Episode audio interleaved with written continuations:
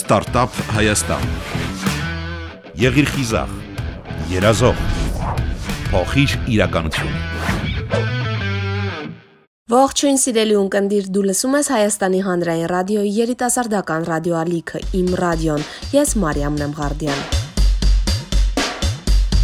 Այսօրվա մեր հյուրը Լիլիթ Մոսոյանն է, ում մասնագիտական հմտությունները նրան շատ են օգնել ներկայիս բիզնեսում հաջողելու հարցում, չնայած որ գրեթե իր սովորած մասնագիտությամբ չի աշխատել։ Մասնագիտությամբ ինտերիերի դիզայներ եմ եւ նկարչության եմ հաճախել մոտ 8-ից 9 տարի, որը իրականում շատ մեծ ազդեցություն ունենում յուրաքանչյուր ստեղծագործող մարդու վրա, թե գունային, թե տեսողական, թե ճաշակի զարգացման հարցում։ Տեսողական աչք, դիզայների աչք, այսպես ասած։ Ընտանիք, հետո երեխաներ ու այդպես չստացվեց զբաղվել։ Փորձեցի ինչ որ ստեղծագործել զարդերի կամ բլյուզների, այդպես ու ստեղծվեց լինատի բիզնեսը։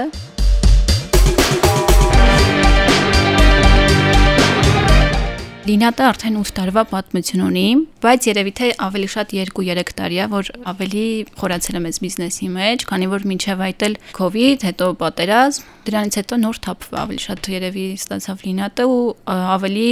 համագործակցությունների եւ զարգացման առումով ավելի մեծ էր։ Լիլիթի կարծիքով ձեռագործ աշխատանքներով զբաղվող մարդիկ պետք է այնպիսի բաներ պատրաստեն, որ իրենք էլ ցանկանան կրել դրանք։ Ձեռագործ զարդերի բիզնեսով զբաղվող մարդիկ այսօր Հայաստանում շատ են, ուստի պետք է այնպիսի զարդեր պատրաստես, որ կարողանաս մարդկանց հետաքրքրել, ասում է Լիլիթը առաջարկում եմ այնպիսի զարդեր, որոնք կկրեի ինքս, միշտ շեշտում եմ դա, քանի որ ինձ համար մեծ դեր ունի։ Շատ-շատ եմ հանդիպում այնպիսի զարդեր, որոնք շատ գեղեցիկ են, շատ մաքուր աշխատանք են, բայց եթե այդպես մտածենք, ինքներս չենք գրի։ Այսինքն ես փորձում եմ այդ ձեռագործը համադրեմ նորի հետ, նորովի ներկայացնեմ ու քիչ էլ ավելի արդիական լինի, այսինքն եթե նույն մարգարիտները առաջ կրել են ուղակի ինչ որ մարգարիտ, հիմա շղթաների, մետաղների հետ Համադրելով ստանանք նորովի ինչ որ զարդեր։ Մի օր ինձ մոտ միտք ցակեց, որ պետք է զարդեր պատրաստեմ, այդպես չի եղել, որովհետև մանկուց, չգիտեմ, թե զգեստ, թե ինչ որ իր գրելուց միշտ ձևափոխել եմ ու միշտ եթե ինչ որ հարց է եղել ինչ պետք է դառնամ ես միշտ դիզայներ շեշտել եմ բայց ավելի շատ հագուստի դիզայնի ուղղվածության էի ուզում գնալ բայց այնպես ստացվեց ինտերիերն ընտրեցի որի համար երևի չեմ փոշմանել ուղղակի մտածեցի որ կարելի է ինչ որ բիզնես դնել սկզբնականի համար որպես մի քիչ ավելի սիրողական էր հետո հասկացա որ պահանջարկ կա ու այդպես դարձավ բիզնես Առաջին զարդը շատ լավ հիշում եմ։ Միջև հիմա էլ պահել եմ։ Նվերայի ստացա ինչ որ շղթայով, տենց ուլունքներով զարդեր, որը ընդհանրապես ինձ դուր չեկավ։ Այդպես ձևափոխեցի, սարքեցի ինչ որ ուրիշ, լրիվ ուրիշ բան։ Սենց արտագանքներն էլ, ոյ, ինչ սիրուն է։ Ու այդ էր երևի թե միջև հիմա պահել եմ այդ զարդը։ Փոքրուց էլ ինչ որ պայուսակներ էի պատրաստում, չգիտեմ, ուլունքներ կամ բաներ էի ավելացնում։ Մայրս էլ միշտ շեշտում է, որ այդ տաղանդը փոքրուց է եկել։ Քանի որ իմ բիզնեսը այնպիսի բիզնես չէր, որը որ ես մտածում եի պետք է շատ գումար աշխատեմ, այսպես ասած, սկզբնականում ավելի շատ ինչ որ փորձնական տարբերակով էր, բայց երբ որ սկսեցի հասկացա, որ ներկայացնելուց ու մատուցելու շատ մեծ բան է կապված, այսինքն հնարավոր է շատ ստեղծագործող մարդիկ իրենց համար շատ գեղեցիկ ստեղծագործում են, բայց գեղեցիկ չեն ներկայացնում, գեղեցիկ կամ թեկուզ չեն գովազդում, չեն համագործակցում, ամեն ինչ կապված է այդ ներկայացնելուց, համագործակցություններից Այսինքն առավել եւս եթե հայկական է, եթե նկատել եք վերջերս հայկականը ավելի մեծ տեղ են տալիս։ Հայկականը պետք է սատարենք։ որ մեր շուկայում բազմազանություն շատ չկա, այսինքն կան մի քանի խանութներ, որոնցից օգտվում են բոլորը։ Ավելի շատ երևի ինչ որ ձեռագիր կա ստեղծագործողների, որից հնարավոր է հասկանալ տվյալ ստեղծագործողն է, թե ոչ։ Ես ներկա պահին չեմ ստեղծագործում այնպիսի զարդեր, որոնք, չգիտեմ, ազգային տարեր են պարունակում, ոչ թե ինչ որ սկզբունքային, բարձրապես գտնում եմ ավելի արդիական ինչ որ զարդեր, որոնք նորաձևության հետ կխոսեն։ Ունեմ այդպիսի հավաքածու, որը շապիկի վրա է, ազգային էլեմենտներ է պարունակում, էթնիկ ինչ որ մոտիվներով կամ ինչ որ տարազային, բայց ելի չեմ շեշտել շատ։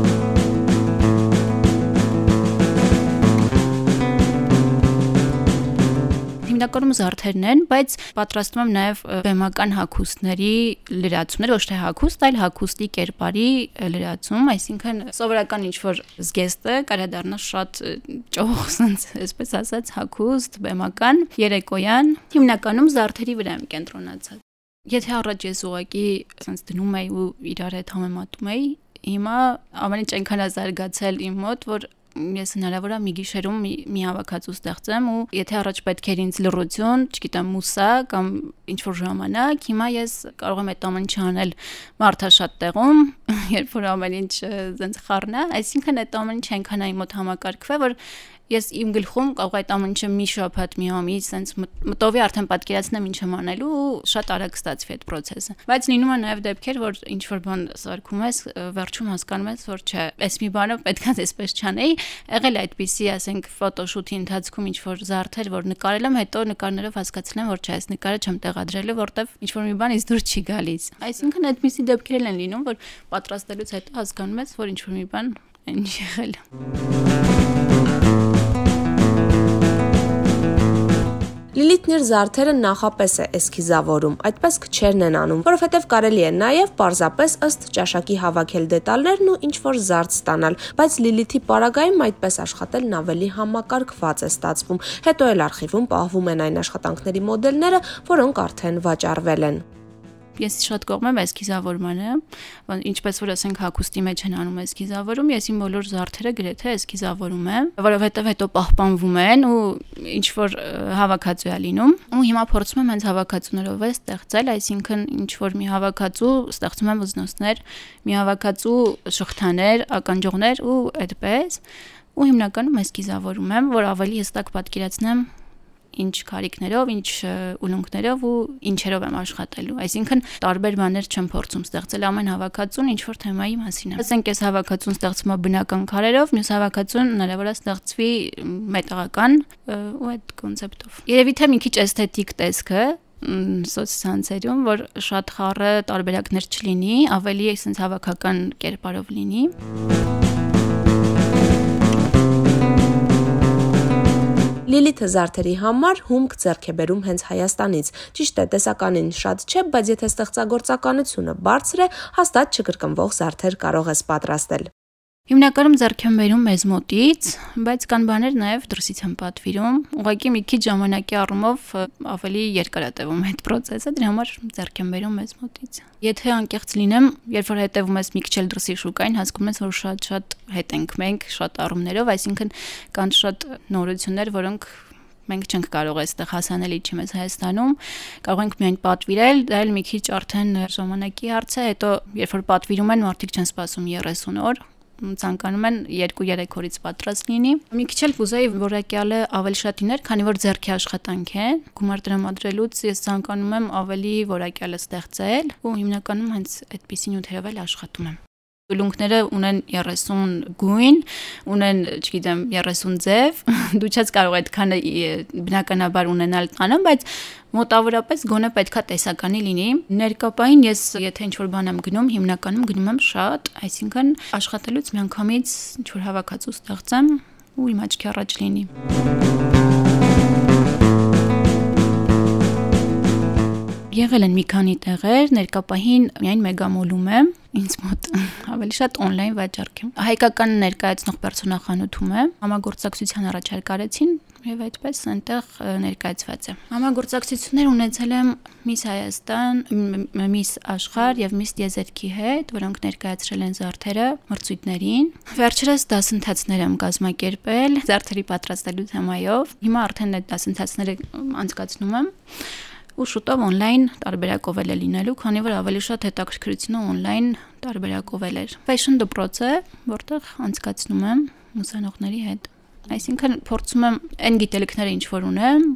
հասունացնել այն պահը, որ արդեն ուզում ես ինչ որ մեկի հետ կիսվես, փոխանցես ու ավելի առաջ գնաս ու ինչ որ չափով նաև ուզում ես ընդլայնես թիմը ու երևի թե ուսանողները, որոնք քո ձեռագրով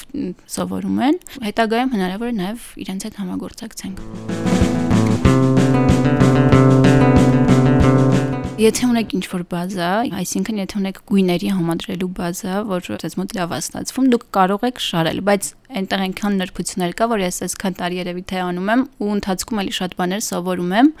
այսինքն նրբություններ կամ գաղտնիքներ, այսպես ասեմ, որը ձեռք ես բերում տարիների ընթացքում։ Հնարավոր է ինչ-որ մեկը վերցնի ու շատ սիրուն վզնոց հավաքի, ինչ-որ մեկին նայելով, բայց եթե իրան տասած բազմազանություն ինքը չկարողանա կողմնորոշվի, որովհետև չգիտի գունատեսություն կամ չգիտի կոմպոզիցիայի հիմունքներ ու այդպիսի մանրունքներ, որոնք շատ կարևոր են Վերջերս ֆոտոշութ ունեի, որը մոտավորապես մի ամիս առաջ էի պլանավորել, այսինքն օրը որոշված էր ու այդ ընթացքը ամենախիտ գրաֆիկով ընթացքն է ստեղծագործողների։ Ես հասկացա, որ ես այնքան չեմ հասցնում, որ երևի թե ժամը 12-ից մինչև առավոտվա 7-ը նստեցի, պատրաստեցի 8-ից 9 զարդ ու առավոտյան ահա որ sense ծանր վիճակով գնացի։ Ոչ մեկ չէր էլ երևի պատկերացնում, որ այդ զարդերը ստեղծված են, չգիտեմ, 6-7 ժամվա ընթացքում։ Շատ են լինում այդպիսի դեպքեր, որոնց չգիտեմ, ինչքան էլ ուզում ես սպառվես, բայց էլի էներգիայով լցվում ես, որովհետև անում ես այնպիսի աշխատանք, որը սիրում ես։ Այսինքն դա չես անում, որովհետև պետք է, այլ անում ես, որովհետև դա քո հոբին է, քո սիրելի աշխատանքն է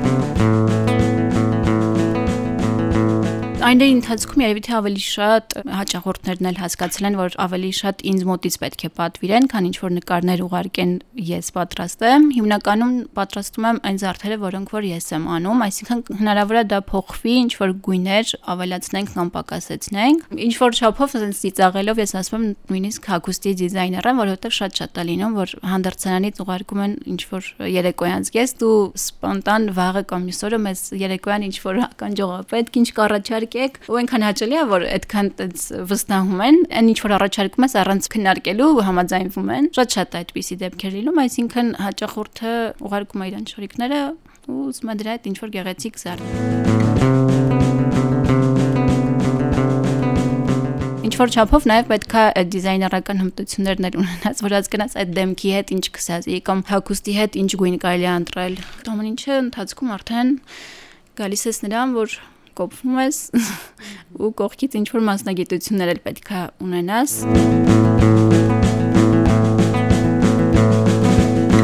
պետք է անընդհատ ներդրում ունենաս, այսինքն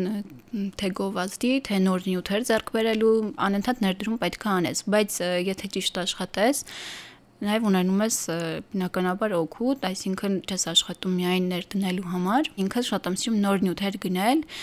ունեմ այնպիսի նյութերը, որոնք այդպես էլ չեմ օգտագործել, բայց սիրում եմ, որ ունենամ, այսինքն աչքի առաջ պետք է լինի իմ կարծիքով դիզայների ձեռքի տակ կամ աչքի առաջ պետք է լինեն շատ նյութեր, որ հասկանա կողմնորոշվի որը որի հետ համադրի։ Եթե դու ունենաս 4-5 նյութ, տալ ուրիշ բան կստանաս ու ունենաս շատ նյութեր, ուրիշ բան կունենաս։